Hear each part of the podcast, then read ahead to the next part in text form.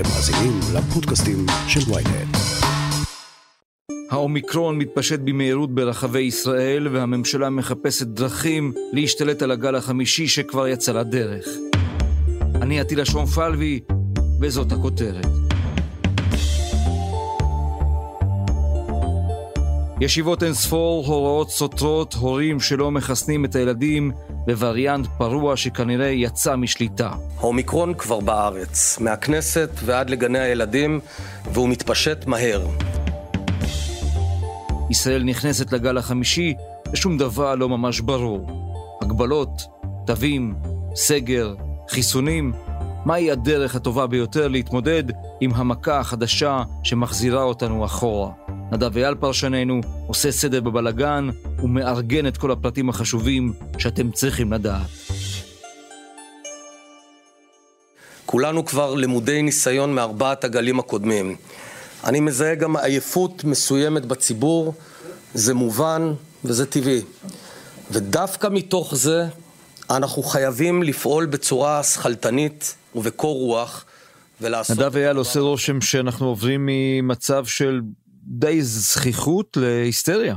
כן, אני, אני לא רואה עדיין את ההיסטריה, אה, אני חושב שגם אין טעם כרגע בהיסטריה בגלל שאנחנו באמת אה, לא יודעים מספיק על האומיקרון ואני דווקא מגלה יותר אופטימיות בימים האחרונים, כי יש לנו כל מיני אינדיקציות שנראות קצת יותר טוב לגבי האומיקרון מבחינה של התחלואה הקשה, מבחינה של האשפוזים. אבל באופן כללי מה שאנחנו רואים נגד עינינו זה שבאמת יש קפיצה מאוד משמעותית במקרים, בהדבקות, במקומות כמו דנמרק, הולנד, ניו יורק, בניו יורק יש גם עלייה באשפוזים מאוד משמעותית, באופן יחסי אה, בבריטניה כמובן עלייה במקרים די מטרידה, למעלה מ-90 אלף מקרים ביום, ואנחנו רואים שפשוט המגפה במספרי המקרים שוברת שיאים, גם כשמשווים את זה ממש לחודשים האחרונים מול הדלתא. אז בוא נעשה כמו שהיו עושים פעם בקלטות וידאו, rewind, ונחזור לנקודת האפס של תחילת חיסוני הילדים. בשבועיים הקרובים המשימה העיקרית, הלאומית של מדינת ישראל, ממשלת ישראל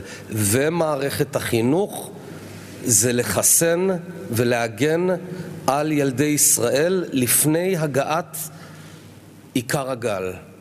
מאותו הרגע שהודיעו שיש חיסונים לילדים, בעצם מדינת ישראל מה? נתנה להורים להחליט? נטשה את הזירה? אני חושב שמדינת ישראל בחרה בגישה שהיא בכלל גישה מתקבלת על הדעת.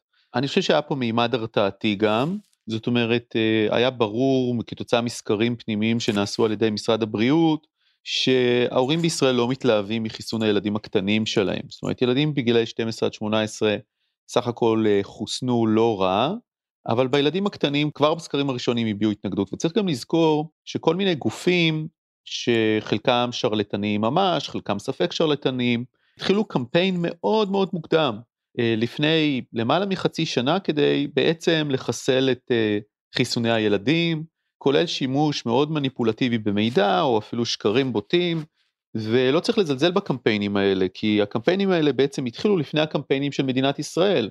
מדינת ישראל לא הייתה עושה קמפיין כדי להסביר למה צריך לחסן ילדים לפני שהרשויות אישרו לחסן ילדים, אתה מבין? אז הדברים האלה השפיעו, וכתוצאה מזה באמת אנחנו רואים בישראל התנגדות די נרחבת, או הימנעות לפחות בשלב הזה של חיסוני ילדים, זה משתפר בשבועיים שלושה האחרונים, יחד עם העלייה במקרים, יותר ויותר הורים משתכנעים לחסן את הילדים הקטנים שלהם, אבל אה, בפירוש יש פה בעיה, וגם במקביל היו המון בעיות שדובר עליהן הרבה מאוד בשבוע וחצי האחרון, בהקשר למשרד החינוך, בהקשר לתיאום בין משרד החינוך למשרד הבריאות, בהקשר לאיזושהי התנגדות במשרד החינוך לבצע את זה בבתי הספר, אנחנו מכירים את ההתבטאויות ההיסטוריות של שרת החינוך אה, הדוקטור יפעת שאשא ביטון. אין צורך לחסן את הילדים כדי למנוע את המגפה. הילדים חזרו לבית הספר, התחלואה שם נמוכה סך הכל, הם גם חולים בצורה קלה, הכל בזכות העובדה שהאוכלוסייה הבוגרת מחוסנת בשיעור אה, גבוה. מסקנה, אנחנו תודה. היום לא צריכים, בטח לא, לכפות חיסון ילדים, כשאנחנו יודעים שאין שום הצדקה מבחינה רפואית. וכל הדברים האלה יחדיו באמת יצרו איזושהי מדיניות לא קוהרנטית ביחס למערכת החינוך, וראינו את התוצאות.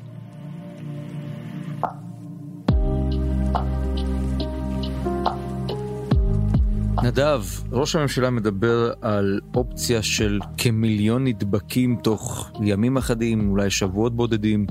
עד כדי כך האומיקרון הזה מתפשט?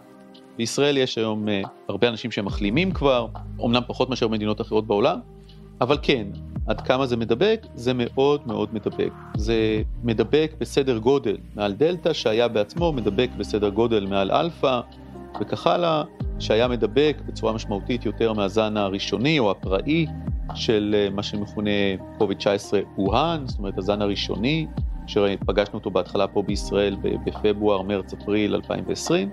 והדבר הזה, האומיקרון, הוא מאוד מאוד מדבק. הוא כנראה הדבר אה, הנשימתי, אחד מהמדבקים שאנחנו ראינו.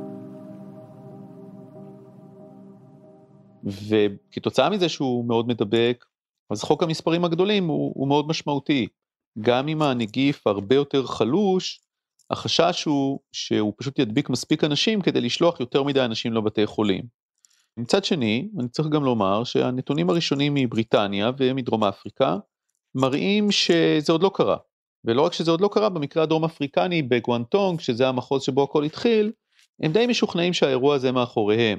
עכשיו אני יכול לדבר קצת על למה בדיוק אנחנו לא דרום אפריקה, לדוגמה ששם יש הרבה יותר מחלימים מאשר מחוסנים, והחסינות של מחלימים היא חזקה יותר, האוכלוסייה גם צעירה יותר, אז זה לא בדיוק אותו דבר, אבל, אבל בגדול אנחנו עוד לא ראינו בשום מקום בעולם, וכל יום שעובר אנחנו מתרחקים. אתה יודע, את ההתפוקקות הזאת של בתי החולים, את הדהירה הזאת לבתי החולים. יש כאלה שטוענים שזה עוד יקרה, אה, אבל כל יום שעובר עושה אותי טיפה יותר אופטימי שאולי לא נראה את התרחיש הזה, ואולי האומיקרון באמת יהיה מאוד מאוד מדבק, אבל לא ייקח יותר מדי אנשים לבתי חולים, ואנחנו פשוט נצטרך לחכות ולראות, אנחנו נדע קודם לפי מה שקורה בעולם. אז העברת אותי בעצם את הכביש מן החרדה אל הנשימה העמוקה, ופה השאלה היא שואל, אז מדוע מקיים ראש הממשלה דיונים על הגבלות, על תו ירוק מורחב, על סגירת אירועים וכדומה? אם ההדבקה הזו היא במובנים מסוימים אפילו תועיל אולי כדי לחסן אנשים שלא התחסנו באופן טבעי, אולי זה מה שמדינת ישראל צריכה לעשות עם האומיקרון, לאפשר לה להתפשט. לא, זה בטוח לא רעיון טוב, בגלל שאנחנו עוד לא יודעים, כמו שאתה בעצמך אומר, אנחנו עוד לא יודעים מה האומיקרון עושה ולא עושה. אני רק אתן דוגמה אחת. אה, מצד אחד אנחנו באמת לא רואים כל כך הרבה אה, אשפוזים בדרום אפריקה, בטח ביחס לגלים הקודמים אנחנו רואים נגיד עשירית ממה שראינו בדלתא. אני מדבר על היחס בין מספרי המקרים לבין כמה מתוך המקרים האלה הולכים לאשפוז. אבל תתאר לעצמך שהזן הזה גורם למחלה יותר מאוחרת, זאת אומרת, זה, במקום לקחת אנשים ביום השמיני או התשיעי לבית החולים, הוא לוקח אותם ביום העשירי או השלוש עשרה. אז אנחנו לא נראה את מה שאנחנו מצפים לראות עד עכשיו. מה שטוב הוא שכן היה פה עיכוב אה, של הכניסה של האומיקרון לארץ. בניגוד לאלפא ובמידה מסוימת לדלתא, ישראל לא הייתה המדינה השנייה בעולם, אחרי בריטניה או אחרי הודו, שבה הייתה התפוצצות כל כך משמעותית של הזנים האלה. ולכן יש לנו קצת זמן להסתכל על מדינות אחרות ולראות מה קורה. אה, הסיבה שראש הממשלה עושה את הדיונים האלה היא מוצדקת לחלוטין. אנחנו נראה הרבה מאוד הדבקה. וכשרואים הרבה מאוד הדבקה, רואים יותר אשפוזים. לא חייבים לראות קריסה של מערכת האשפוז, אבל רואים יותר. אנחנו מעוניינים שגם אנשים יידבקו כמה שפחות, כי אנחנו לא יודעים מהם השלכות הארוכות טווח האפשריות של ההדבקה בווירוס, אבל אנחנו רוצים בכלל שאנשים יידבקו פחות בקורונה, ואנחנו רוצים לראות מה קורה עם האומיקרון מבחינה של אשפוזים בהמשך, ולכן הצו של השעה הוא כרגע כפול. מצד אחד, לקנות זמן, להאט את ההתפשטות של האומיקרון בתוך האוכלוסייה, ומצד שני, הדבר שאנחנו רואים שהוא כרגע הכלי הכי אפקטיבי שיש לנו, זה בוסטרים, התחסנות ובוסטרים. אנחנו רואים בהרבה ניסויים במעבדה, שבוסטר טרי זה דבר מאוד יעיל במניעת הדבקה סימפטומטית של אומיקרון, כשאני אומר מאוד יעיל זה למעלה מ-65 אחוזים. וזה אולי לא נראה כמו 95 אחוזים שראינו בהתחלה בזן הקודם, אבל זה נראה לא רע, ולכן אה, שם צריך להשקיע את המאמצים, ואני מניח שזה מה שהממשלה מנסה לעשות בדרכה. מיד נמשיך עם הכותרת, אבל לפני כן יש לנו משהו לספר לכם. היי, אני לא רשתת מאור, עורכת ynet יחסים. אני רוצה להזמין אתכם לפודקאסט שלי, סקס אפיל. בכל פרק נדבר על הדבר החשוב באמת, סקס. איך הוא משפיע עלינו, מה היחס שלנו אליו, ואיך אנחנו יכולים לנהל חיי מין טובים ובריאים יותר. בכל יום רביעי פרק חדש בספוטיפיי וגם באפליקציות הפודקאסטים שלכם. חפשו סקס אפיל ונשתמע.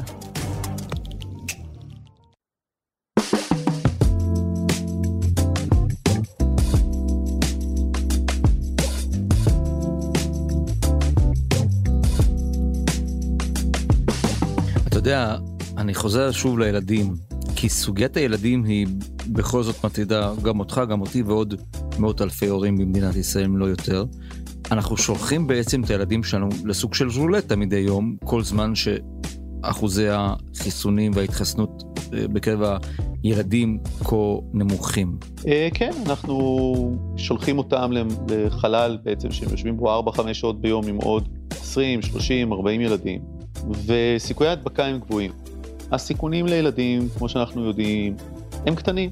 אני לא רוצה מצד אחד לחלוטין להפחית בהם. אנחנו יודעים שבשנתיים האחרונות הגיעו, אם אני זוכר נכון את הסטטיסטיקה, יותר מ-2,000 ילדים לחדר מיון עם, עם קורונה, כמה מאות אושפזו במצב בינוני ואילך, וזה די הרבה, זאת אומרת, ילדים הם, אה, צריך לומר, טפו טפו טפו, הם יצורים בריאים, לא מגיעים בכמויות האלה כתוצאה ממחלות זיהומיות אחרות אה, בהכרח, יש וירוסים אחרים נשימתיים שגורמים לתופעות אפילו יותר חריפות לפעמים כמו RSV ואחרים, אבל, אבל באופן כללי זה לא דברים שאנחנו רוצים לראות. יש דרך להתמודד עם זה, הדרך היא החיסון. ההחלטה על חיסון היא החלטה אישית, פרטית, של ההורים כמובן, ואני חושב שזה מספיק הודגש גם על ידי הממשלה. אף אחד לא, לא כופה את החיסון הזה על ילדים או על אירועים. מצד אחד צריך להגיד את זה, מצד שני גם צריך להגיד מה המחיר. אנשים צריכים להבין את המשמעות של מה זה PIMS, התסמונת שמופיעה אחרי שילדים נדבקים ומחלימים, שהיא תסמונת בהחלט, שכשהילד מגיע לבית חולים במצב הזה הוא יכול להיות בהחלט במצב בינוני או קשה, וצריך לטפל בו, לילדים בדרך כלל צפויה החלמה מזה, אבל צריך להגיד את זה בצורה ברורה שזה אירוע, וכמובן שיש ילדים שמתלוננים על, על לונג קוביד, על השלכות ארוכות טווח, וראש הממשלה בנט הביא אפילו אה, נערה כזאת לישיבת הממשלה האחרונה.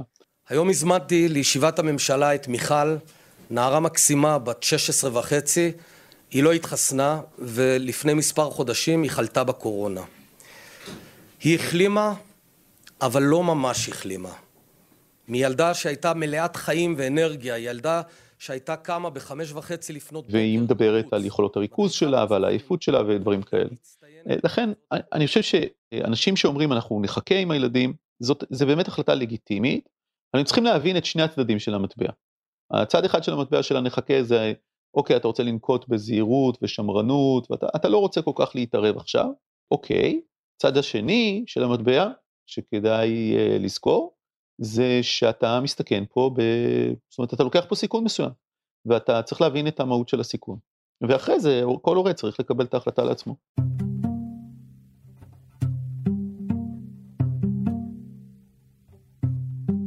נדמה לי, נדב, שהישראלים, וגם אני, ואולי אפילו גם אתה קצת, יותר מבולבלים מאי פעם בסוגיה הזו של אומיקרון, כי הנתונים מדברים א', ההפחדות נשמעות אחרת לגמרי, הנתונים של הממשלה ושל משרד הבריאות גם מדאיגים, ואני לא בטוח שהפודקאסט הזה מסייע למאזינים שלנו לצאת רגועים יותר או עם תמונה ברורה יותר. האם זה כך גם אצלך?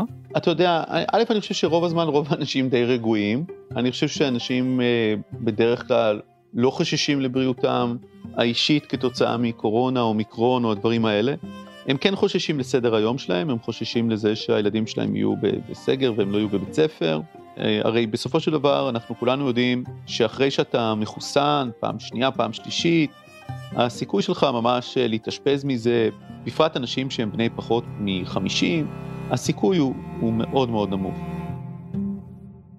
ולכן אני חושב שבעיקר אנשים שואלים את עצמם איך לנהל את זה. זאת אומרת, צריך להבין שמדובר פה בעניין ש, שבעצם הוא עניין של ניהול מערכת, ו, ולאנשים יש עייפות אחרי שנתיים מהמגפה הזאת, יותר מחרדה, יש להם תשישות ועייפות, הם לא רוצים לשמוע על זה יותר, אני אומר את זה כמי שעוסק בזה, כמי שמדבר על זה, אנשים לא רוצים לשמוע מהאירוע הזה יותר, הם רוצים שהוא יהיה מאחוריהם, חלקם רוצים להדחיק, אחרים רוצים להכחיש, זה פשוט לא משהו ש, שהציבור אה, רוצה לספוג עוד.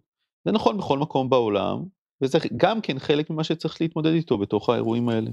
ואתה יודע מה שמעניין, וזה לסיום, המילה סגר חזרה שוב אצל מקבלי ההחלטות. זאת אופציה? א', אני לא שמעתי ממקבלי ההחלטות את, ה, את המילה הזאת, אני, אני מודע לזה שיש הסתובבות שלה, כמו שאתה אומר, אבל, אבל לא שמעתי אותם עדיין אה, אומרים, תשמע, יכול להיות וזה, זאת אומרת, לא בפניי לפחות. אה, אם אתה שמעת אז אה, אתה יודע, אז אני מצטער עבורך ועבורנו. אה, כרגע אף מומחה לא מציע סגר במדינת ישראל. גם בסיבוב שעבר, דרך אגב, שהממשלה כל הזמן אמרה לא יהיה סגר, לא יהיה סגר, אולי חשוב להדגיש שאף מומחה לא הציע באמת סגר. אף מומחה לא באמת הציע סגר. מה הממשלה בעצם עשתה? היא אמרה, תראו, אנחנו לא נלך לסגר, לא נלך לסגר, אבל אה, למרות כל ההמלצות, אבל, אבל לא היו המלצות כאלה. לא בליצר אמר סגר, ולא ערן סגל אמר סגר, ואפילו לא אלי וקסמן אמר סגר. אז אה, אה, אתה יודע, גם במקרה הזה, אה, אני חושב שכרגע אנחנו רחוקים. אה, בפרט כשאנחנו רואים שיעורי אשפוז לא מספיק אה, מרשימים כדי לשכנע אותנו שצריך לעצור את המשק. סגר הוא באמת צעד, ש... צעד דרקוני, אתה משתמש בו ככלי אה, של הרגע האחרון, אם אתה חושב שמערכת הבריאות שלך עומדת לקרוס. אה, אתה לא משתמש בו כדי לעצור את התחלואה, אתה לא משתמש בו כדי אפילו רק להוריד אשפוזים. זה לא כלי לגיטימי לדבר הזה. רק אם אתה חושש שמערכת האשפוז שלך תקרוס, שאנשים לא יקבלו טיפול, שאנשים ימותו מהתקף לב, כי לא יהיה מי שיטפל בהם, שלא יהיה מספיק צוות כדי לטפל ביולדות, אז אתה הולך לדברים כמו סגר. היו בהחלט חששות כאלה אה, בתחילת המגפה, מאז יש לנו חיסון, ואני עדיין אה, עם התקווה שבהנחה שאנשים ימשיכו להתחסן, ויש יותר מדי אנשים שלא לקחו את הבוסטר, יש יותר מדי אנשים שלא התחסנו במדינת ישראל, אבל בהנחה שכן יהיה איזושהי התעוררות של זה בשבוע, שבועיים הקרובים, אני כולי תקווה שהדבר הזה לא יתרחש ולעולם לא יתרחש שוב. נדב ואלה פרשננו. אולי נרגע קצת. תודה רבה. תודה רבה. עד כאן הכותרת להפעם. אתם מוזמנים לעקוב אחרינו בוויינט, בספוטיפיי או בכל אפליקציות הפודקאסטים באשר הן. דרגו אותנו באפל פודקאסט ושילחו את הפרק לחבר שעדיין לא שמע את הכותרת של היום. עורך הפודקאסטים שלנו הוא רון טוביה. גיא סלם סייע בעריכת הפרק. דניאל עמוס הפיקה. על הסאונד, ניסו עזרן. סיון חילאי גם היא חלק מצוות הכותרת. אני עטילה שומפלבי, מחר אהיה כאן שוב עם פרק נוסף.